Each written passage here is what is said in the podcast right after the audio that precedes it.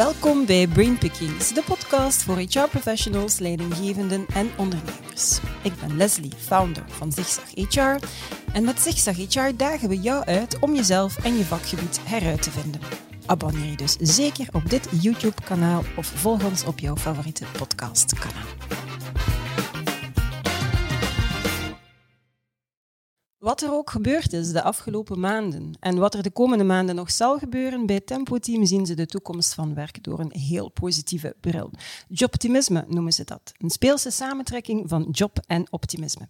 Want mensen die met plezier hun werk doen, doen hun werk niet alleen beter, ze blijven ook langer aan het werk, ze inspireren anderen en ze hebben meer veerkracht. In oktober 2020 heeft Tempo Team 2506 Belgische werknemers en 269 Belgische werkgevers bevraagd. En voor de wetenschappelijke analyse en de resultaten konden ze rekenen op professor Anja van den Broek, associate professor Work and Organization Studies bij de KU Leuven. En het resultaat is het RED-rapport geworden. Dat staat voor Recruitment, Employment and Development. En daarin lijsten ze een heel aantal interessante inzichten en concrete actiepunten op waar jij als HR-verantwoordelijk of als zaakvoerder concreet mee aan de slag kan gaan. Dit rapport biedt een heel uniek inzicht in wat medewerkers drijft en tevreden houdt en zoomt in op de acht factoren die werkplezier en voldoening op het werk kunnen beïnvloeden. Daar wil ik natuurlijk een pak meer over weten en daarom kruip ik in het hoofd van Eddie Anees, Managing Director van Tempo Team, en in het hoofd van professor Anja van den Broek. Wat ze zeker weten is dat jobtimisme werkt en dat het besmettelijk is. En misschien nog een kleine noot, als je af en toe op de achtergrond wat geluid hoort, muziek, er is hier op dit moment ook een concert gaande, want we zitten weer in de fantastische locatie van Gare Maritiem. En boterhammen in het park, dat gaat dit jaar niet door in het park, maar in Gare Maritiem. Ik denk dat wij er eigenlijk zelfs voor een stukje tussen zitten. Bon, welkom. Alles goed met jullie? Jawel. Ja, blij hier te zijn. Ja, straks een concertje meepikken misschien? Absoluut. Ja, want er worden hier al wat een aantal uh, BV's gespot. Ik weet niet, ik dacht Mauro heb ik ondertussen al uh, gehoord. En Jean Bluiten zou dat kunnen, die liep hier ook rond. Maar in ieder geval, ambiance verzekerd. Ik hoop in ieder geval dat het niet te veel gaat, uh, gaat storen. Ik heb het net aangekocht, een groot onderzoek dat jullie toch uitgevoerd hebben. Misschien eerst eens vragen waarom dit onderzoek? Ja, waarom doe je onderzoek? Uh, mm -hmm. We vinden het belangrijk van echt te weten op de werkvloer wat er reilt en zeilt, wat de inzichten zijn die we kunnen verwerven. In dit geval ging het over de werknemer. Mm -hmm. en, uh, niet dat we op zoek zijn naar de ideale werknemer, maar wel naar die werknemer, zoals je zelf aangaf, die met heel veel plezier en als optimist op die werkvloer mm -hmm. komt, omdat die heel veel kan bijdragen aan het bedrijf. Ja. We willen dat niet zelf doen, dus daarom hebben we met Anja mm -hmm. aan de slag gegaan en we hebben haar gevraagd om ons te helpen. En het, het rapport is het resultaat en ik mm -hmm. hoop dat die inzichten bruikbaar zijn voor iedereen.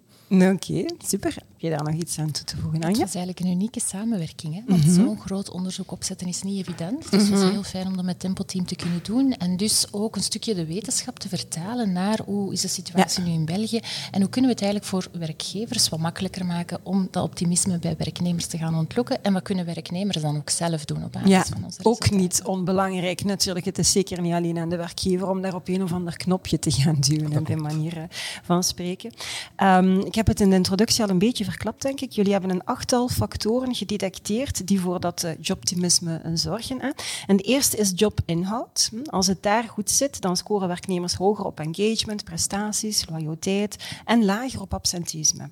Vooral de mate waarin dat de mensen kunnen bijleren, de mate waarin dat ze autonomie ervaren om hun takenpakket zelf vorm te geven en de mate van variatie en uitdaging in de job zijn doorslaggevend. Dat heb ik toch gelezen, maar ik ben er uiteraard een paar keer doorgegaan ter voorbereiding.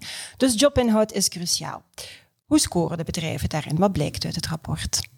Ja, dus die jobinhoud is inderdaad superbelangrijk en is ook wel vaak iets dat we over het hoofd zien. Mhm. Hè? En dus zowel bij werkgevers als werknemers zijn daar nog wel wat aandachtspunten. Wat blijkt, hè, 20% zegt toch, goh, mijn job is weinig gevarieerd. Mhm. Dus dat is toch één op vijf werknemers die zegt van, ja, ik verveel mij af en toe op het werk. Mensen hebben ook wel last van te veel regels, bureaucratie, Ja. niet duidelijk weten van waarom moet ik hier dingen doen en daarop echt op vastlopen. Je hebt ook eh, negatieve dingen zoals pestgedrag, dat komt wel voor. Ja. Um, en eigenlijk ja, is het toch wel heel belangrijk. We kiezen voor een bepaalde job, we kiezen voor die inhoud van een bepaalde job. En eigenlijk wordt dat vaak vergeten als een ongelooflijk sterke motiverende factor. He, dan denken we, ah, loon is belangrijk, maar eigenlijk is het die jobinhoud die echt van mensen optimistische werknemers maakt. Oké. U heeft daar, dat is eigenlijk mooi gebracht. Ik zie u, ik zie u volmondig knikken. Het is waarschijnlijk ook een van de belangrijkste boodschappen. Ja, ja, ja, absoluut. Zeggen, is dat dan toevallig dat dat op de eerste plaats staat, want de acht factoren worden opgelijst. Ik heb ze eigenlijk gewoon in die volgorde behouden. Dat is echt bewust jobinhoud dat je als eerste factor omschrijft, of is dat eigenlijk gewoon eerder nee, toevallig? Nee, het staat echt, ja. het is het allerbelangrijkste. Ja, dus, uh, we hebben dat bekeken, um, ook statistisch gaan nagaan. Mm -hmm. kijk, als we kijken naar de cijfers, wat zeggen die? Mm -hmm. uh, want als je mensen zelf laat zeggen wat is belangrijk in je werk, dan gaan ze heel vaak loon vermelden, ja. omdat er iets heel duidelijk, iets heel tastbaar is. En dat is natuurlijk belangrijk. Maar als we dan gaan kijken wat onderscheidt optimistische werknemers die met volle goesting in hun job mhm. staan versus mensen die dat met veel minder enthousiasme doen, dan is die jobinhoud cruciaal. Okay. Dus het is niet uh, zelf verzonnen, het is op basis van deze cijfers, plus ook de literatuur stond dat ik heel duidelijk aan. Mhm. Het is die inhoud van het werk waarvoor dat we elke dag opstaan en uh, ja, aan de slag gaan. En fluitend hopelijk uh, naar het werk willen gaan, hè, wat zeker niet bij alle mensen helaas het geval is. Zijn er ook um, concrete tips die jullie bijvoorbeeld aan, aan HR-verantwoordelijken of aan leidinggevenden kunnen meegeven op basis van het rapport? Ik denk het wel. Hè. Mm Om te beginnen, wat, wat, evident is, vinger aan de pols houden. Ja. En mm -hmm. observeren of mensen niet in de situatie komen dat ze zich vervelen, dat het routinematig wordt en bij gevolg met hun brein afdwalen en andere mm -hmm. dingen beginnen te denken, andere jobs bijvoorbeeld. Dus ja. aandachtig zijn is één. Uh, een tweede, denk ik, is met het individu ook eens praten over wat hem nu boeit, interesseert, waar hij energie van krijgt. En misschien is een andere taak geven dan de routinematige, ja. routinematige taak die komt. Het kunnen projecten zijn met, de, met een collega, maar het kan ook iets zijn dat je als opdracht extra krijgt gewoon op je mm -hmm. normale taken. Ik doe dat regelmatig bij ons met een consultant van een kleine extra taak ja. te vragen bovenop een normale job. En het laatste, en misschien wel de moeilijkste, is mm -hmm. Leren van correcte feedback te geven. Ja. En feedback geven wil niet zeggen één keer per jaar een evaluatie doen, want dan ben je mm -hmm. ruim laat. Maar feedback wil zeggen eigenlijk onmiddellijk ja. bespreken wat er gebeurd is. De goede, maar ook de slechtere dingen of de moeilijke dingen. Constructief. Mm -hmm. En zorgen dat een moeilijk moment een leermoment wordt. Ja. En dan worden mensen uitgedaagd en kunnen ze terug uh, ja. Die jobinhoud uh, koesteren. En inderdaad voldoende kort op, op de bal spelen, zeker niet te lang wachten, uh, nee. hoor, ik u, hoor ik u ook zeggen. Bij kinderen is dat evident. Hè? Ja. Als kinderen iets doen wat niet mag, dan straffen we belonnen onmiddellijk. Ja, ja. Het zou heel raar zijn moest je tegen een kind zeggen, weet je nog, vorige week heb je... Ja. Dat was niet oké. Okay. Ja, ja. Hetzelfde met werknemer. Dus doe dat onmiddellijk, Klopt. doe dat ja. constructief, -hmm. maar, maar, wacht niet met ja, ja. ja, en volgens mij dan ook wel zeker een bijkomende uitdaging als we dan nu toch, eigenlijk toch een bepaald deel van de populatie, dat gaat nog altijd over een, een, klein aantal, maar toch redelijk wat mensen werken van thuis uit, ja, dan wordt het al wat moeilijker om zo een keer te voelen of te toetsen van die persoon. Hm, dat, dat, dat, die zit niet meer helemaal goed in zijn vel of ik wil die een keer iets extra geven. Dus dat is de vraag stellen helpt ja. al. Hè? Ja.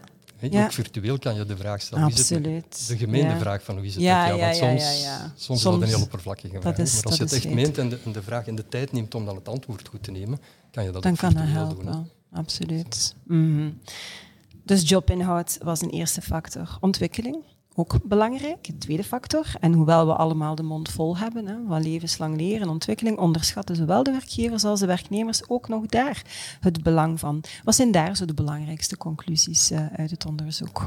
Dus inderdaad, dat die ontwikkeling ook heel belangrijk is. En dat kan op twee verschillende manieren. Dat kan mm -hmm. enerzijds door te gaan kijken naar welke formele trainingen zijn er, hoe kan ik mezelf bijscholen, werkgerelateerd of misschien ietsjes buiten mm -hmm. in de groeizone. Maar anderzijds komen we ook wel terug op uh, wat uw werk is en wat dat inhoudt. En ook gaan kijken van welke dagdagelijkse dingen dagen u uit om bij te leren. Om net mm -hmm. dat ietsjes extra of anders te gaan ontdekken, te gaan leren. Dat kan zijn dat je van collega's leert van kijk, hè, hoe werkt deze Excel? Of hoe moet ik met dat nieuw programma omgaan? Of uh, als ik ramen en deuren moet zetten, van kijk, hoe doe ik dat nu perfect? Dat die uh, perfect afwateren, ik zeg maar iets. Mm -hmm. Maar dat is eigenlijk toch wel iets dat we onderschatten. We kijken eigenlijk al veel te weinig naar de carrière of naar de opleidingsmogelijkheden die er zijn bij werkgevers. Dus dat is voor heel weinig mensen echt een factor om te kiezen voor een bepaalde werkgever. Werkgevers besteden wel een stuk opleidingsbudget aan elke werknemer, maar dat wordt toch eigenlijk nog niet volledig benut nee, wat men jaarlijks zou kunnen of mogen doen. Maar anderzijds het leren van collega's, bij oudere werknemers wordt het wel eens gezegd beter en meterschap, ja. maar eigenlijk zouden we dat elke dag of toch elke week moeten kunnen, iets kunnen bijleren van iemand anders. Continu eigenlijk. Allee, als je daarvoor open staat, dan leer je toch continu. Hè? En het zijn kleine dingen. Niet? Ja. Je hoeft geen grote master te gaan volgen om, om te leren. Uh, ik denk dat het, het feit gewoon van iemand in een omgeving te brengen waar iets nieuw gebeurt, iets mm -hmm. onbekend, dat hoeft ja. niet heel moeilijk te zijn, maar onbekend die het dan wel durft aannemen, al of niet met hulp van een collega, ja. creëert een leeromgeving. Ja, ja. En een beetje leerspanning eigenlijk ja. zelfs. Hè. Zo, ja, spanning, spannend, een keer iets nieuws. Ja. En wat we, ik doe dat ook wel eens als manager of als, als baas. Mm -hmm. Je neemt over. Ja. Dus ik krijg een probleem, ik ga het oplossen, en dan mag jij met de oplossing voort, maar daar leer je niks mee Nee, nee maar dus, het is verleidelijk, zeker als je expertise is en het moet snel gaan. Ja, dus eigenlijk beter ja. de, de, middelen en de gelegenheid geven, maar de oplossing laten komen laten van komen diegene van. die met het probleem gekomen is. Want dan leer je iets. Als ik het mm -hmm. voor jou oplos, heb je heb ik niets geleerd. niets geleerd. Dat is heel makkelijk, maar heb ik inderdaad op termijn niets geleerd. Dus eigenlijk hoor ik daar een beetje een boodschap naar HR en leidinggevenden dan dat we leren toch wel wat anders moeten aanpakken. Misschien een beetje ruimer aanpakken, mag ik het zo wel samenvatten? Of, of wat gevarieerder? Of, uh... Zeker en vast. En dat kan ook wel de grote drempel zijn hè, als we kijken naar... Uh, ja, soms wordt er toch gezegd, ouder werknemers die durven niet veranderen, mm. die zijn wel vastgeroest. Maar eigenlijk moet je al heel vroeg in carrière uh, daaraan beginnen werken, dat er mm -hmm. constant nieuwe dingen zijn. En dan worden mensen dat ook wel gewoon en dan ja. blijven die geprikkeld. Ik vind de vergelijking met kinderen fantastisch. Mm -hmm. hè? Dus um, als je kijkt naar kinderen, die vinden het fantastisch om de wereld te ontdekken we mogen dat als volwassenen eigenlijk niet verliezen. En eigenlijk is die bron van enthousiasme en nieuwsgierigheid ja. is er vaak nog wel. Mm -hmm. Wordt zelfs afgestompt als je dagelijks hetzelfde moet doen. En ja, als je vijf jaar hetzelfde moet doen, dan mag het niet verwonderen dat je na die vijf jaar zoiets hebt van oei, iets nieuws, hm, daar voel ik mij niet meer comfortabel ja, ja. bij. Dus het is echt wel belangrijk om dag in, dag uit uh, ja, nieuwe dingen te mogen doen. En zoals Eddie mooi zegt, het hoeft niet altijd groot te zijn. Nee, nee. Maar dat betekent dus effectief dan toch een, een behoorlijke verantwoordelijkheid van werkgevers om doorheen gans die loopbaan, doorheen gans de periode dat die persoon aan het werk is, om die te blijven ja, uitdagen met kleine en minder kleine zaken, want anders kan je het inderdaad, de, de medewerker in kwestie, bijna niet kwalijk nemen. Hè. Als je die vijf jaar of langer niet uitdaagt, gaat hij misschien wat schrik krijgen. Ja. ja. En om in de kinderomgeving te blijven, vind ik daar dan Pipi Langkous. Wel, ja, ja. Ook, al, ook, als werknemer natuurlijk, hè, mm. moet je wel die, die kleine uitdaging dan wel opnemen. Ja, ja, ja. En het even doen. Ook daar de verantwoordelijkheid. Dan, ja. ik heb het nog nooit gedaan, dus ik denk dat ik het kan. Dat ik het wel dus kan. in dat opzicht is dat wel uh, mooi van toepassing. We mogen allemaal een beetje meer Pipi Langkous voor. Ja, ja, ook als individu heb je daar wel een verantwoordelijkheid. Ja, Je moet niet Zeker. alleen op je werkgever... Nee, nee, nee, nee, dat klopt. Zeer, uh, zeer terechte opmerking. Um, pendelstress aanpakken dan. Dat is de efficiëntste manier om het welzijn van medewerkers um, te vergroten en het risico burn-out te minimaliseren. Dat wordt ook in jullie onderzoek bevestigd. En dat brengt me dan bij de derde factor die bepalend is voor joboptimisme, thuiswerk. Um, ik zelf vind ook pendelen, ik vind dat vreselijk. Dat is absoluut tijdverlies, stresserend. Het is dus heel duur daardoor. Dat is ook iets dat uit jullie onderzoek blijkt dan? Ja, dus uh, met het hele thuiswerk-experiment dat we mm -hmm. hebben meegemaakt met corona, ja, zijn mensen echt wel blijven stilstaan bij, oh, ik ben inderdaad wel een uur onderweg. Mm -hmm. En het is inderdaad wel heel erg stresserend om elke dag, ik zeg maar iets, naar Brussel te gaan, in de file te staan, niet te weten, gaat mijn trein op tijd zijn, mm -hmm. gaat die niet te vol zijn, ga ik er nog bij kunnen. Dus dat zorgt wel voor heel wat stress. En um, het is niet alleen de tijd, hè, het is dus ook wel de energie die je erin stopt met je zorgen te maken van, oei, ben ik wel op tijd um, thuis om naar mijn hobby's te kunnen gaan om mijn verantwoordelijkheden thuis ook kinderen op te halen. Voilà. ah, inderdaad. Dus mensen hebben nu echt wel ervaren van, oh, het is fijn als ik die stress niet heb. Mm -hmm. Pas op, het geeft ook wel voor een aantal mensen een leuke afgrenzing tussen werk ja. en uh, thuis. Van, goh, ik weet sommige mensen die thuis werken, dat blijkt ook uit uh, ander onderzoek, die lopen een blokje om. Juist om... Om te kunnen afronden? Om of? een stuk uh, dat pendelen in hun hoofd toch te kunnen doen van, oké, okay, ik laat nu het werk achter, computer dicht, ik loop een blokje om en dan ben ik net weg geweest en ben ik nu terug thuis thuis in plaats van op okay. mijn werk thuis. Dus het is niet alleen kommer en kwel, maar het is die stressfactor. Ja. Um, en de, dus mensen kijken ook wel uit van is er een alternatieve manier, toch dat thuiswerken of met de fiets naar het werk of uh, openbaar vervoer, dat ik toch niet in die file sta. Mm -hmm. Het is herkenbaar, hè? omdat ik, ik rijd altijd op en af, reed altijd op en af, ik deed heel veel kilometers. 50.000 op een jaar en ik heb nu er 5000 dus Ja, ja. Uh, maar je mist in wezen dus het pendelen op zich mis je niet. Wat je wel mist is dat het naar huis rijden is ook een moment van even te landen. Ja, ja, ja. Dus dat moet je wel op een andere manier doen. Aan de andere kant is het ook wel nuttig om in het thuiswerk een aantal regels mee te nemen die het thuiswerk ook thuiswerk maken. Dus Ja. ik, ik doe een hemd aan, s'morgens, omdat voor mij een hemd aandoen wil zeggen ik ga werken. ja, ja. Dus van die Maar iedereen heeft er rituelen, Ja. hè, uiteindelijk. maar wel belangrijk ja. om die mee te nemen natuurlijk Ja. als je thuis werkt. En, en, en goede afspraken te maken ook natuurlijk tussen werkgever en Ja, ja. Oké. Maar ook dat is, is herkenbaar, want eh, om een duur gaat die grens effectief volledig vervagen als je gewoon vanuit je bed naar de, de bureau gaat rollen en, en met de pyjama aan, bij manier van spreken. Ik denk dat we allemaal wel op zoek zijn gegaan naar een, een ritueel om dat onderscheid klein beetje ehm, te creëren. Ehm, nu, als het gaat over thuiswerk, ehm, hoor je toch vaak dat dat niet voor elke organisatie haalbaar is. En zeker niet voor KMO's, als ik met KMO-zaakvoerders spreek. Klopt dat? Is, is thuiswerk dan iets dat enkel voor de happy few is? Niet noodzakelijk. Nu, sommige jobs hè, die vragen contact. Mhm. hè. Het is moeilijk om als schoonmaakster aan de slag te zijn als je niet fysiek op het, op het werk bent. Hè. Dus er gaat altijd een groot percentage zijn van mensen die niet eh, thuis kan werken. Dat wordt soms wel eens wat vergeten in de Mhm. En wel, media. ik, ik vind dat inderdaad, en het is nogal aan bod gekomen in eerdere interviews, we moeten daarover waken.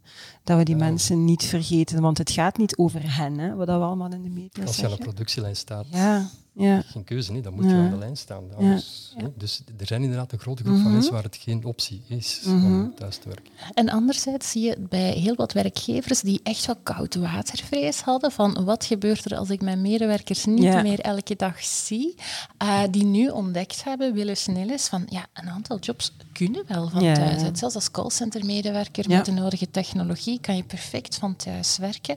Dus in dat opzicht is het wel een goed experiment geweest om mensen Mhm. de mogelijkheid te geven om bijvoorbeeld files te vermijden, om werk en thuis makkelijker te combineren, om een uitdagendere job ietsjes verder weg te doen, omdat Ja. je niet meer elke dag op die bepaalde werkplek moet zijn.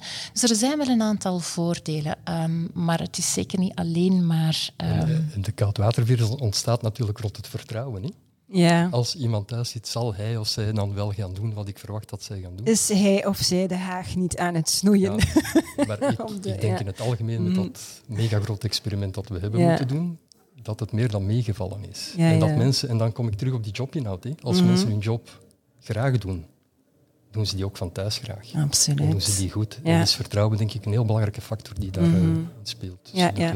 Zeker en En ik denk ook dat er een, een soort van ja, overpositiviteit bestaat rond ehm, als mensen op het werk zijn, dan zullen ze wel echt aan het werk zijn. Eh, Met Facebook, sociale media, ehm, online shopping, noem maar op, kan je eigenlijk heel veel tijd aan je bureau spenderen zonder geconcentreerd aan het werk te zijn. Dus ik denk dat het langs twee kanten werkt. Eh, dat vertrouwen moet er sowieso altijd zijn ehm, tussen werkgever en werknemer. Ja. Is dat dan een van de tips bijvoorbeeld dat je daarover zou meegeven naar werkgevers en HR-verantwoordelijken? Zijn er zo nog zaken ehm, die jullie graag delen? Wat ik persoonlijk wel belangrijk vind, is ehm, een goede policy maken. Als we kijken naar, hè, voor veel bedrijven was thuiswerk zoiets mm, vreemds, misschien niet echt voor ons. Uh, terwijl goede afspraken maken goede vrienden. En daar merk je dat heel wat bedrijven toch nog wel struggelen van, oei, ehm, ja, wat moet ik nu? Moet ik iets op papier zetten? En hoe moet dat dan? en, maar dat is wel belangrijk dat je dat wel doet van, ehm, wel, wat verwacht je? Moeten mensen tussen bepaalde uren werken? Moeten ze tussen bepaalde uren bereikbaar zijn? Moeten ze kunnen uh, binnen, uh, ik zeg maar iets, een uurtje kunnen antwoorden op een e-mail en dergelijke meer? Wat verwacht je? Ja. En wat staat daar ook tegenover uh, van jou als werkgever? En hier zien we dat de wetgeving nog een klein beetje achterop hinkt met de realiteit. Hè. Vroeger was telewerk een gunst. Als werknemer mocht je telewerken. Het, De werkgever kan dat niet verplichten, hè, ook vandaag de dag niet. Uh, maar vandaag de dag gaan toch wel veel meer medewerkers die hebben mogen ervaren dat het toch een aantal voordelen heeft, toch ook wel ja, vragende partij zijn om... Absoluut. Ik Ja. wil het toch wel graag. Ja. En Het is bij ons vreemd. Wij hebben met COVID Mhm. zijn wij overnight verplicht gaan thuiswerken. ja. En toch gaan we thuiswerken pas invoeren vanaf oktober dit jaar. Hoe vreemd het ook klinkt. Ja, maar wat gaan we invoeren? Wat Anja zegt, het, het structureel. Mhm. cultureel thuiswerken, waar we met z'n allen besloten hebben dat het ons goed doet, Mhm. dat we een hybride model, maar dat hybride model is wel goed beschreven. Mhm. Er staat wel in wat verwachten we, wat, wat kan, wat kan niet. En vanaf dan is het een vertrouwensbasis. Maar dus Mhm. het vreemde is dat we, dat we meer dan een jaar thuiswerken en het eigenlijk nu pas. Ja, ja. Nu officieel gaan, uh, gaan Maar ik, ik vind het wel fijn dat je zegt structureel en cultureel en je linkt het direct aan vertrouwen. Dat vind ik, dat is een afsprakenkader, zodanig dat alle partijen weten wat wordt hier van mij verwacht, wat kan en wat kan ook niet ik vind dat dan een, een, interessantere manier om er naar te kijken dan als, ik, als, als veel mensen als het woord policy horen, die krijgen alleen maar kippen van weer al regels. Mensen houden niet van regels, maar als er geen regels zijn, lopen ze verloren. En dus die afspraken en zeker structureel, cultureel, ik vind dat een heel mooie, heel mooie aanvulling. Cultureel belangrijk is omdat ja. we het zomaar doen omdat we denken dat het interessant is, zonder mhm. dat het past bij jezelf mhm. en bij de medewerkers bij het bedrijf gaat niet goed gaan. Dus het moet een deel worden van je bedrijfscultuur, hoe dan ook. En, maar ik, ik zie wel in heel veel bedrijven dat het dat dat voet aan grond krijgt en dat het goed gaat. Ja, dus, ja. oké. Goed, en we zullen de komende maanden ongetwijfeld zien hoe dat het verder evolueert. Hè. Jij wil nog iets zeggen? Ja, ik hoor je graag ook zeggen van het zijn allemaal regeltjes waaraan mm we mhm. ons moeten houden. Uh, werkgevers moeten daar ook niet te ver in gaan. Mhm. hè. Dat je mhm. met mensen verplicht bijvoorbeeld tussen 9 en 12 moet je hè, heel snel kunnen reageren en dan tussen 1 en 4 ook nog eens. Ja, dan haal je eigenlijk wel een aantal voordelen van het thuiswerk uh, weg, onderuit. Probeer daar een beetje hè, af te stemmen van oké, wat is de optimale bereikbaarheid, mhm. wat is de optimale autonomie voor mijn medewerkers. En hou daar zeker ook het team in de gaten. Ja. Dat is natuurlijk een andere factor die opduikt. Ja, ja, ja, het team is minstens even belangrijk en dat brengt me inderdaad naar een volgende uh, factor. En teamwork makes the dream work. Het is de titel zelfs van een boek van uh, John Maxwell en komt neer op die vierde uh, de factor van optimisme, het belang van collega's. En collega's die echt voor elkaar door het vuur gaan, want een goede sfeer op het werk, dat is echt goud waard, letterlijk. Want naast autonomie en competentie is verbondenheid en de derde psychologische behoefte van mensen. Hoe leuk vinden we onze collega's? Wat blijkt uit onderzoek? De meeste mensen zijn wel tevreden met hun collega's. hè? 8 op 10 Gelukkig. Zegt, ja, absoluut. 8 op 10 zegt van, goh, ik kan eigenlijk goed om met mijn collega's. We steunen elkaar. We, er kan nog wel eens een grapje af. Uh, en dat is mhm. eigenlijk ideaal. Mhm. Niet iedereen heeft dat natuurlijk. Er zijn een aantal mensen die zeggen van, mm, er zit toch wel een haar in de boter. Misschien mm pestgedrag. Um, en ook belangrijk, um, het hoeft niet altijd vrijheid, blijheid te zijn. In de zin van collega's hoeven ook niet allemaal vrienden te worden. Ja, het, het moet dus niet. Nee. nee. nee. Ik denk, een professionele relatie is geen vriendschappelijke relatie. Nee, maar kan een vriendschappelijke relatie Kan dat zijn, maar moet. Nee. Kan, maar niet hm. moeten. Ja, ja, ja. Ja, dat die druk ook niet te hoog wordt, dat het echt verbondenheid blijft in plaats van die sociale druk van en nu moeten we op vrijdagavond allemaal samen hopelijk ooit terug ja. op café duiken. Maar dat krijg je effectief, en zo dat tribe-gevoel van en je moet meelopen en je moet mee. Dan denk ik van, oei, moet, moet dat mag het ook niet zijn. Nee, hè? Nee. Het is hier een verkeerd. Uh, ja, ik denk dat een team wel kan samenkomen en van die momenten genieten. En, maar er is niks verkeerd dat een team professioneel een team mhm. is, maar niet een vriendenteam. Nee, dat is niet te zijn. Nee, oké. Ik hoor jou net vertellen, ondertussen gaat de muziek hier een deuntje hoger. ik ben benieuwd wat het voor de rest van de, de dag gaat, uh, gaat opleveren. Ik hoorde jou net zeggen, Anja Pesten. Uh, ik denk dat je het al twee keer inderdaad vermeld hebt. Is dat vandaag toch nog zo'n groot probleem dan op het werk? Jawel, hè, dat is iets, jammer genoeg eigenlijk moet ik zeggen, een constante. Ook mhm. met het thuiswerk hè, gaat het gewoon virtueel verder. Mhm. Dus uit ons onderzoek blijkt dat één op vijf uh, medewerkers er wel mhm. last van heeft. internationaal zien we ook hè, dat, dat cijfer daar rond soms 1 op 10, soms wat meer, afhankelijk van hoe dat het gemeten wordt. Mhm. Dus ja, het komt wel voor. Hè. Vooral waar mensen samenwerken, ontstaan er wel fricties. En dan is het eigenlijk als werkgever heel erg belangrijk, of als teamleider heel erg belangrijk, om vroeg genoeg in te grijpen. Conflicten kunnen, we kunnen daarvan leren, maar dat mag zeker niet escaleren. Hè. Van een taakconflict naar een relationeel conflict, naar hè, stappen verder. Mhm. En elke case is eigenlijk uh, eentje te veel.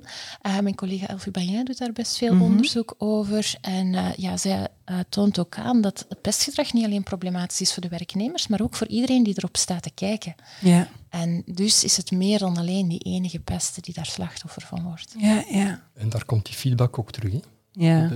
ook, ook, het pestgedrag aanpakken is een stuk van feedback geven en zeggen dit kan niet. Omdat als je inderdaad wacht, wacht, wacht, op het einde krijg je onoplosbare situaties mm voor, voor alle betrokkenen. Hè? Ja. Dus ik denk dat je ook met, met pesten, als je aandachtig bent, dat je daar niet meer moet wachten om erop in te grijpen. En dat je dat zo snel mogelijk moet uh, ontmijnen. En dan zelfs niet alleen de leidinggevende, maar ook collega's die dat, uh, als ze dat zien, die daar ook verantwoordelijkheid in, uh, in mogen nemen eigenlijk. Hè? Ja. Nog tips die jullie kunnen delen voor het jaar? Ik, ik hoorde net inderdaad, um, ja, snel genoeg inderdaad, daar, daarmee aan de slag gaan. Niet laten verzuren of nog erger worden. Zijn er nog zaken, nog handige tips voor het jaar? Rond pesten? Mm -hmm. Of in het algemeen, hè, naar, naar um, laat ons zeggen, het, het bevorderen van de, de, de, professionele relatie van, van collega's onder elkaar. Voor teams is, heeft niks met pesten te maken, maar het is natuurlijk wel belangrijk dat als je naar doelen toe werkt, mm -hmm. dat die doelen van dat team zijn. Ja. En dat je mm -hmm. dus ook zorgt dat de teamgenoten, de mensen die werken voor jou, dat die betrokken zijn bij het definiëren van wat willen we nu samen bereiken. Dan wordt het woordje bereiken belangrijk natuurlijk, ja, ja. maar het woordje samen is denk ik even belangrijk. En als je het dan doet, wat ook niet onbelangrijk is, en dan hoef je geen vrienden te zijn, maar je kan wel vieren. Hè? Dus Ja. vergeet ook niet de goede Ja, dingen ja, ja, ja, af en toe eh, te benoemen en met elkaar vieren. spaghetti thee, een pintje te drinken, een schouderklopje gewoon. Ik kan al wonderen doen. hè. Ja, we vergeten dat inderdaad. Hè. We tackelen altijd het volgende probleem, maar gewoon even stilstaan bij iets wat dan recent goed gelopen is of goed gelukt is. Ik denk belonen is waarschijnlijk tien keer sterker dan straffen. hè, in Ja, dit ja, verhaal. Ja. Ook voor medewerkers. Ja, ja, en dat doet mij dan direct weer aan die kinderen denken.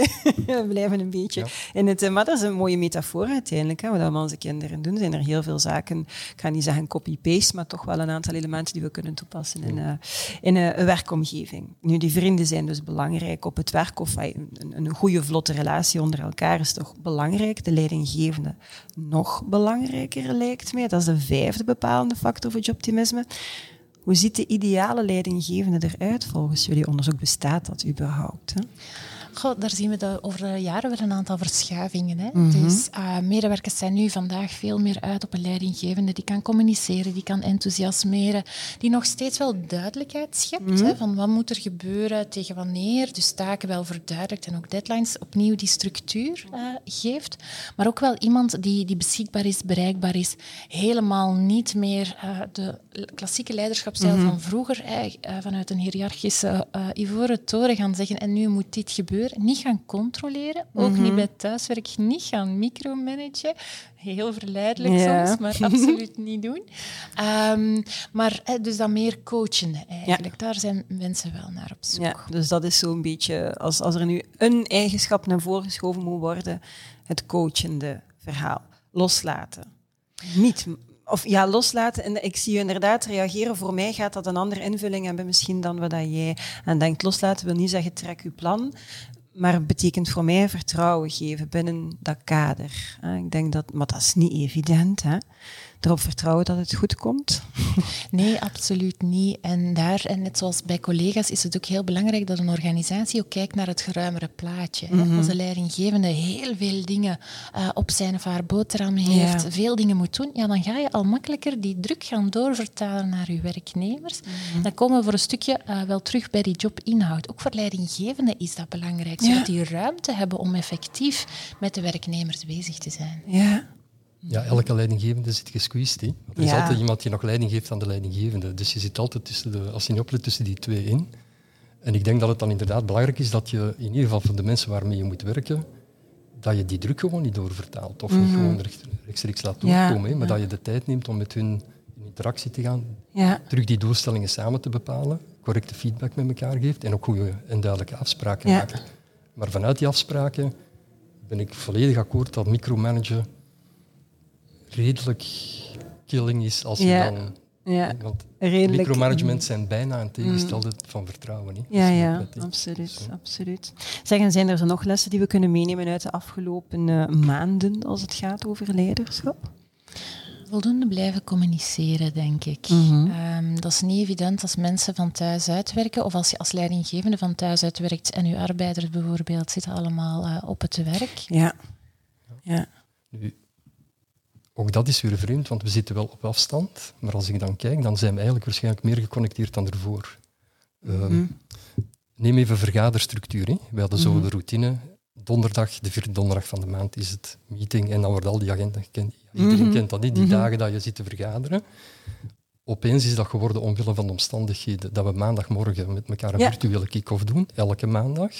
En dat we korte momenten doorheen de week hebben. Dus eigenlijk zijn we veel meer geconnecteerd dan ervoor. En dus eigenlijk ook beter aangesloten, zonder dwingend of eh, Ja. geen vertrouwen te kunnen geven. Dus Het is intenser geworden en meer communicatief dan ervoor. En dus ook niet slechter daarom. Oké, ja, dat is, dat is inderdaad wel een belang. Want toen, toen dat ik je hoorde zeggen van we zijn meer geconnecteerd dan vroeger, dan was ik al van plan om daarop te reageren. Maar het is een ander punt, lijkt mij. We zijn meer geconnecteerd dan vroeger, maar we zijn daardoor soms moeilijker bereikbaar. Maar dat is een ander punt. Ik heb, als je mensen gewoon als je allemaal samen in het gebouw zit, dan is het makkelijk om iemand te bereiken. Je loopt er even voorbij, hoe het is bezig. Ik ga straks nog wel een keer terugkeren. Virtueel is dat al een grotere uitdaging. En kunt je, ja. Ik denk dat je de twee moet doen. Niet, ja. niet alleen het, dan komt ja. terug op dat hybride model. Want die momenten kun je creëren als je dan toch samen op de werkplek bent en elkaar ziet. En ja. Daar heb je snellere interacties. Klopt wel. Ja, ja. Het virtueel is eigenlijk heel gestructureerd. Het is eh, heel efficiënt, hè? Het is heel efficiënt, heel gestructureerd.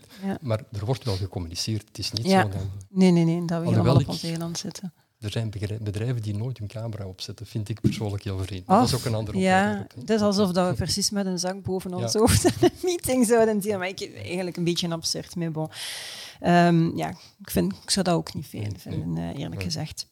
Um, een van de meest besproken uitdagingen vandaag dan is de work-life balance, factor nummer 6, want dat evenwicht tussen werk en privé krijgt ook het werkplezier op. Ik ben heel benieuwd naar de sleutels om tot die ja, balans te komen. Hè. Wat blijkt daar uit onderzoek? Ja, werk-thuisbalans, dat is zo'n topic dat altijd terugkomt en dat mhm. voor mensen ook wel heel belangrijk is. En dan zijn er eigenlijk twee factoren die die work-life balance eh, bepalen. Mm Enerzijds, hoeveel ben je thuis nog bezig in je hoofd? Uh, heb je dus eigenlijk nog stress van je werk? Moet je daar echt nog van thuis kunnen komen. En anderzijds ook tijdsgewijs. Mm we hebben het daar straks al gehad over pendelen. Als je heel lang moet pendelen of je staat in de file, ja. dan ben je gewoon te laat thuis om die balans uh, in evenwicht te houden. En mensen struggelen wel een beetje met die balans. Ehm, vandaag misschien meer dan ooit, uh, om daar een goed evenwicht tussen te vinden. Dus er zijn ook wel verschillen tussen mensen. Sommigen zeggen van kijk, ik wil een heel duidelijke afscheiding. En anderen zijn ja, flexibel. En die vinden het ongelooflijk prettig dat alles door elkaar loopt. Mhm. Dus het is een beetje voor jezelf afwegen van wat werkt voor mij en opnieuw, wat werkt er binnen onze organisatie. Ja, wat het niet evident maakt voor de leidinggevende, want de een wil dit, de ander wil dat. Hoe ga je daar dan mee om? Ja, en zelf voor dat gedwongen thuiswerk mhm. was die ineenstrengeling al veel groter. Ja. We hebben allemaal de, de computer of tablet thuis of de cellphone waar je tien mhm. keer per dag of twintig keer of honderd keer per dag op kijkt om toch maar niets te missen. dus de verstrengeling tussen werken en leven was al veel groter. En mhm.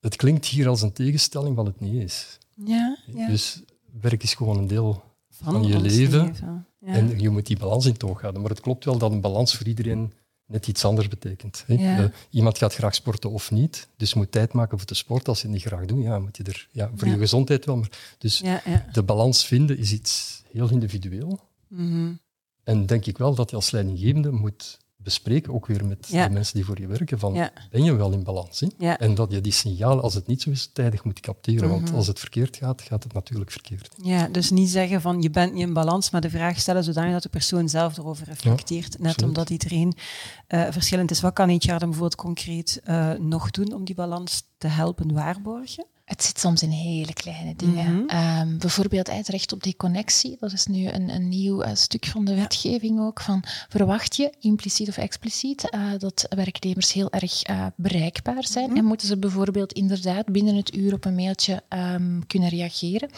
Ik stel mij daar vragen bij. Ja. Enerzijds, hè, wanneer mogen werknemers dan nog rustig geconcentreerd doorwerken? Of moeten ze altijd die mailbox in doorhouden? Mm en anderzijds, hè, stel ik heb deze avond om vijf uur iets gepland Ehm, ja, moet ik tussen vijf en zes dan ook nog mijn mails uh, kunnen beantwoorden. Mhm. Dus daar kan je wel vragen bij stellen. Ook hè, nog uh, heel belangrijke mailtjes uitsturen vrijdag namiddag, zodat mensen daar in het weekend toch mee bezig zijn, willen nilles. Het zit hem vaak echt in hele kleine dingen. En opnieuw, ik pik graag terug in op wat hij daar straks zei, het is ook een cultuur. Mhm. Wat verwacht je impliciet of expliciet van werknemers? Ja. ja. Dat is één. En, twee, wat we ook wel eens doen, is het onbewust overlaten vanuit verschillende afdelingen. Mhm. Dus mensen zitten in hun werkomgeving, krijgen de vraag van een finance-afdeling, krijgen de vraag van de legal afdeling, krijgen de vraag van de productie en opeens, maar niemand ziet al die vragen, nee, behalve nee, degene die ze krijgt. Ja, ja, ja. Dus als je en die daar... antwoordt daar niet op. ja, maar is wel met andere dingen. dus als je daar niet aandachtig aan bent, dan... Ja, ja, absoluut. En dan in het extreme heb je dan ook nog de, de werknemer die zelf de perfectionist wil zijn, ja. En die zo hard werkt om alles goed te krijgen, dat hij zichzelf er doorheen jaagt. Dus het zijn allemaal signalen die je echt goed in het oog moet houden. Uh, maar het zijn kleine dingen, maar vele kleine dingen maken natuurlijk een heel zware last. Hè, als je ja. Ik denk vinger aan de pols kan heel makkelijk. Hè? Van neemt een werknemer zijn vakantiedagen op? Is die mhm. dan ook echt offline? Ja. Ehm, ja, wanneer, hoe snel antwoorden mensen op alle berichten? Uh, op welk uur? Durf je af en toe al eens te zeggen van kijk, dit is een vraag, maar niet voor... Laat maar, ja. Mhm. En ik neem mezelf even... Ik ben altijd vroeg wakker. Mhm. En ik kuis voor mezelf morgens mijn mail uit, omdat ik dan een rustige dag heb. En dan krijgen we van jou heel veel mailtjes om zeven Als ik niet oplet. ja, ja, maar dus dat gebeurt. Dus als je niet bij nadenkt, dan stuur je half zeven stuur je een mail. Mhm. Maar als je dat doet, geef je een signaal aan Ik verwacht van jou dat. Eigenlijk niet, maar... Ja, nee. Dus ik probeer nu heel bewust erop te letten. Behalve in heel extreme omstandigheden, maar van die niet te versturen. En die te versturen op het moment dat we in de normale werktijden zitten. Ja, ja. Dus die kleine signalen maken... Je creëert stress of overlast zonder dat je erbij ja, je kreeg bepaalde percepties van verwachtingen, terwijl je dat absoluut niet als boodschap wou geven. Zeer uitdagend. Ik herkende mijzelf en ik had destijds ook een team die zeiden van, ik was ook altijd heel vroeg wakker en die zeiden van, mocht dat niet doen.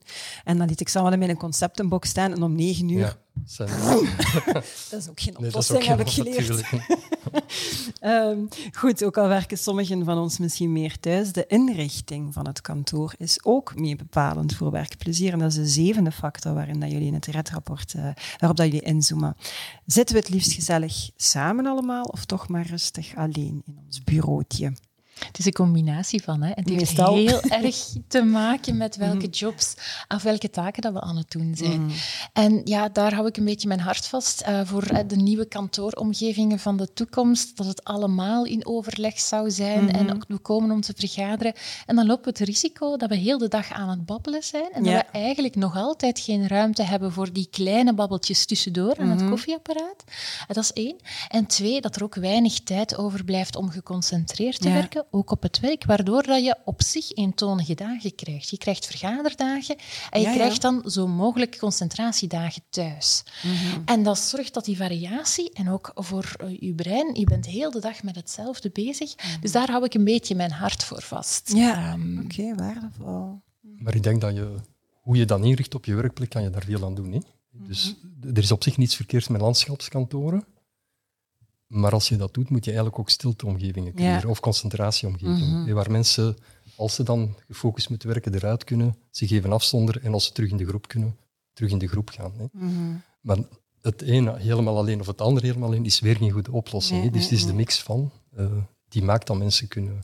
Ja. En het thuiswerk zou dat ook soms geconcentreerd maar in de meeting zit je ook in groep, dus ook daar heb je die afwisseling van. Ja, dus we mogen eigenlijk niet zo strak gaan, gaan proberen afschermen van dat is voor en, en, en thuis is voor, hoor ik hier zeggen, toch een beetje variatie, zowel thuis als eender welke locatie, een coworking place zoals hier, als op kantoor, voor zij die het kunnen. Hè? Want het, niet iedereen kan dat. Hè? Absoluut. En dan zijn er ook wel voor uh, zowel kantoormedewerkers als mhm. mensen die niet op kantoor werken, maar in een, in een ja, grote hal of fabriek of, mhm. of zo, zijn er ook een heel aantal aspecten die belangrijk zijn en mhm. die we vanuit HR vaak onderbelicht laten, die we meer bij de preventieadviseurs en de veiligheid uh, leggen. Maar bijvoorbeeld luchtkwaliteit, daglicht hebben in oh, uw werk werkomgeving. Of als je het niet hebt in de werkomgeving, mogelijk dan toch in de cafetaria. Um, luchtkwaliteit, hygiëne. Hè. Ehm, zelfs in corona uh, zegt toch uh, een dikke 10% van de mensen van eigenlijk is er toch een gebrek aan hygiëne en ja, genoeg gepoetst ehm, op mijn uh, werkplek. Ja, dat zijn toch eigenlijk dingen waar we ook aandacht voor moeten hebben. Ja, en opnieuw, ik vind het zeer belangrijk dat we daar voldoende ons van bewust zijn dat we het hier niet alleen over die office-populatie hebben, maar evenzeer over mensen die in de field of in een fabriek aan het werk zijn. Er zijn heel veel mensen die we een beetje uit het oog dreigen te verliezen in gans dit hybride werken debat. Dus ik hoor dat inderdaad opnieuw. Je kan bijna hybride gaan werken in die plekken ook. Ja. In de zin, ook, ook mensen die aan een band staan, kan je anders behandelen, kan je mhm. correcte werkomgevingen geven en kan je ook de rustpauzes of de omgeving creëren dat zij er even uit kunnen en iets anders kunnen doen. Mhm. Het enige wat niet kan is thuiswerken. Hè? Maar je kan op de werkplek wel heel veel dingen Ja, doen. ja, ja. natuurlijk. Ja. Zeker en vast. Ik denk dat we aan de achtste en laatste factor hiermee komen die bepalend is voor joboptimisme, en dat is het loon. hè. De Belgische werknemers noemen verloning de belangrijkste reden om voor een werkgever te kiezen. Nochtans, en dat blijkt ook uit jullie onderzoek, leidt een hoger loon niet noodzakelijk tot meer werkplezier of tot engagement. Hoe zit dat dan nu? Is loon dan de belangrijkste bijzaak of hoe moeten we dat nu eigenlijk omschrijven? Ik vind dat een hele leuke eh, slogan. Hè? Ik heb hem gepikt, denk ik, van een van jullie blogs. Ja, klopt. staat hier ergens op een papiertje. Ja, absoluut. Ehm, en het, is, het, is, het vat het mooi samen. Hè. Loon is een heel erg duidelijke manifeste, noemen wij dat, factor van werk. Ja, zonder loon zou niet iedereen nog dezelfde job doen. De leuke vraag zou zijn van, mocht je de lotto winnen, zou je nog dezelfde job doen of niet? Eh, de mensen die daar ja op antwoorden, dat zijn eh, de Ja. meer optimistische mensen. Dat zijn die jobtimisme, jobtimisten die echt geëngageerd aan de slag zijn. Ehm, maar ja, loon is wel belangrijk. Ja. Hè? Bij de bakker kan ik ook niet betalen met een knuffel. Zeker niet in tijden van corona. Moeten we misschien eens gewoon vragen. Ja, of het kan. Dus Ja. het, is, het, moet correct zijn. Ja, hè? En dan eh, weten we voor motivatie, zorg je beter voor een goed basisloon Mhm. en niet te veel eh, bonussen of speciale manieren Mhm. om mensen die het net iets beter zouden doen te gaan belonen. Dat kost ook heel veel aan de organisatie en brengt qua motivatie weinig of niks bij, Mhm. als het al geen negatieve effecten heeft. Ehm, en natuurlijk moet je ook gaan kijken, en dat blijkt dan uit ons onderzoek ook van, ja, is, wordt de koek eerlijk verdeeld? hè? Mhm. Ehm, wat krijg jij, wat krijg ik? Belgen zijn daar nogal ehm, ja, stil over. Er wordt niet veel over We vertellen gepraat. daar niet veel over. Maar onderhuids moet er wel het gevoel heersen van, kijk, dit wordt eerlijk verdeeld. Ja. Of als er blijkt dat er een verschil is, dan moet het duidelijk zijn waarom is dat. Ja. Eh, en als die factoren goed zitten, dan zit loon ook goed. Mhm. Oké, nog tips naar HR-professionals? Ja, ik Zo denk wat dat transparantie betreft? is- is een zeer belangrijk. Transparanter, hoe Ja. beter. En het is inderdaad bij ons niet ingebakken in de cultuur. Hè. Dus het, eh, ik zie wel dat jongeren meer en meer met elkaar beginnen uit te wisselen over hun Mhm. omgeving, over hun loon en hun voorwaarden. Ik heb altijd geleerd dat loon een zeer korte motivator is. Ja, Dus korte kan je heel even- wel. Ja. Een push geven, maar dat verdwijnt heel Mm. snel. En dan komen we eigenlijk terug natuurlijk op een aantal dingen die we al genoemd hebben. Hè. Dus Mhm. eh, let op dat je mensen niet in routine komen. Mhm, Dat die mhm. jobinhoud eh, eh, belangrijk, belangrijker is. Daar wordt die belangrijker dan dat loon, want daar blijft de motivator. En ik denk, in de ideale wereld zou je alle werknemers graag met een purpose op Ja. je netvlies hebben. Dat is natuurlijk niet haalbaar. Hè? Nee, nee. Dus ik denk dat daarom dat we als optimist op je werkplek zijn en plezier hebben in je werk, doet al heel veel. Mhm. Zorgt al dat je heel veel... En is belangrijker, denk ik, dan loon. Loon. Maar ja. sluit loon niet uit. Ja. Ja. En het moet goed zitten natuurlijk. Hè. Als mensen met financiële stress eh, aan hun dagtaak beginnen, dan Dan gaan ze we ook dan- niet lachend Ja. rondlopen. Nee, absoluut Ja. niet. En dan hebben ze ook gewoon de cognitieve ruimte niet Nee, meer. Eh, dus Ja, als je ja. zelf ooit een financieel stresserende situatie hebt ervaren, Mhm. ja, je bent daar onderhuid zo erg door gepreoccupeerd Ja. dat je je werk gewoon niet goed kan doen. Nee. Gefrustreerd raakt over collega's. Dus in die zin is het wel belangrijk, Mhm. maar het zorgt niet voor de dagelijkse brandstof. Inderdaad, het is Nee. een hele korte motivator. Het ziet er Mhm. interessant uit, maar de echt motiverende kracht ehm, is heel snel eh, uitgewerkt. Het werkt als je mensen heel kortcyclische taken wil laten doen. Ehm, dus eh, als je heel simpele taken wil laten uitvoeren, kan je mensen per stuk gaan belonen. Mhm. Hè, opnieuw, als we naar kinderen kijken, ehm, het aantal speelgoedjes dat je hebt afgewassen, hè, daar krijg je dan, als je er tien hebt, krijg je een ijsje bijvoorbeeld. Zal heel goed werken, maar verwacht niet dat al die speeltjes goed zijn afgewassen. Herkenbaar. En ik denk ook dat wat je onderweg zegt, eh, het belonen wat we daar straks aan Mhm. hadden, al is het een schouderklopje, Ja, heeft een veel grotere Ja. kracht dan dat loon. Niet? ja, ja. Want dan apprecieer je mensen, geef het signaal van je bent goed bezig. Mhm. Dus ik denk dat dat vele malen belangrijker is. Die erkenning hoeft niet het loon financieel moet oké zijn, maar eens het loon oké is, dan denk ik dat die erkenning op heel andere manieren kan dan gewoon financieel. Zeker en vast. Om af te sluiten, want ik denk dat we ongeveer een, een 45-tal minuutjes wel al zullen eh, bezig zijn. En die als er één, en dat is moeilijk, hè, één ultieme boodschap is die iedere HR-professional die nu gekeken of geluisterd heeft, moet onthouden uit dit gesprek of uit jullie RED-rapport. Wat is dat dan? Ik zou er twee willen noemen. Ik zal, ik zal me echt beperken tot één en dan neem ik diegene die ik onderweg heel belangrijk zie opduiken. Ga in communicatie met de Mm. mensen. Praat Mhm. met mensen, wees open en transparant met mensen, want in die conversatie leer je van elkaar en kan je elkaar goed opvolgen helpen en voorthelpen. Mhm. Dus ik denk communiceren en praten, dat dat waarschijnlijk de belangrijkste Ja, ja. boodschap is. En die die je onderweg hebt, ik ga ze nu toch laten vertellen. Ja, degene die vanaf het begin op dat... Een gevolg daarvan is dat je waarschijnlijk een veel betere jobinhoud samen kan definiëren. Dus vergeet niet dat jobinhoud de belangrijkste factor is in dit verhaal. Oké, dankjewel. En dan, eh, Anja, kan jij tot slot misschien de, de grote, ja, de acht uitdagingen voor HR nog eens oplijsten, met daarbij misschien telkens een actie die HR dan kan ondernemen, zoals samenvatting. Mensen heel goed eh, notas nemen. Ja, een uitdagende taak. Dus enerzijds hè, kijken naar eh, die jobinhoud. Hè. Wat doen mensen? Vinger aan de pols. Zijn ze nog geëngageerd voor het werk dat ze dagdagelijks doen? Ehm, probeer hen ook te laten ontwikkelen. Het is niet alleen wat ik vandaag doe, maar ook wat ik morgen kan en wil doen. En haal die ontwikkeling gaande. Vervolgens ook eens kijken naar dat thuiswerk. Kunnen we het mogelijk maken dat we die pendeltijd verminderen of op andere momenten mogelijk maken? Thuiswerk, ja, in vertrouwen. Goede afspraken maken, goede vrienden. En durf daar vertrouwen hebben in hetgeen wat eh, jouw medewerkers doen. Als we dan kijken naar de sociale factor, uh, kijken naar collega's, hè, hoe kan je goede professionele relaties op het werk versterken? Daar mag een vriendschap uitbloeien, maar dat hoeft niet. Hè. Opnieuw, denk aan die werk-thuis-interferentie, maar zorg dat er op het werk uh, ruimte is om elkaar te ontmoeten, om te communiceren. Niet alleen voor collega's, maar ook voor leidinggevenden. Mm -hmm. Kijk daar naar hoe kan ik mijn werknemers gaan coachen. Als je start vanuit het vertrouwen van kijk, mijn medewerkers willen werken, kunnen werken, ze hebben voor deze job gekozen, dus ergens moet er toch een soort ja. enthousiasme zijn. Probeer dat warm te houden en verder te gaan ontwikkelen. Als ik dan uh, kijk naar de dingen waar we het laatst over gehad hebben, hè, die work-life balance, mm -hmm. hoe kan je dat proberen versterken? Is vooral kijken naar um, ja, uw cultuur. Wat verwacht je impliciet of expliciet ja. van mensen? Kijk van, oké, okay, heb ik ruimte genoeg? Kunnen mijn werknemers thuis even loskomen van het werk? Hebben ze er genoeg tijd voor en genoeg um, ruimte in hun hoofd? Of zit het vol met stress?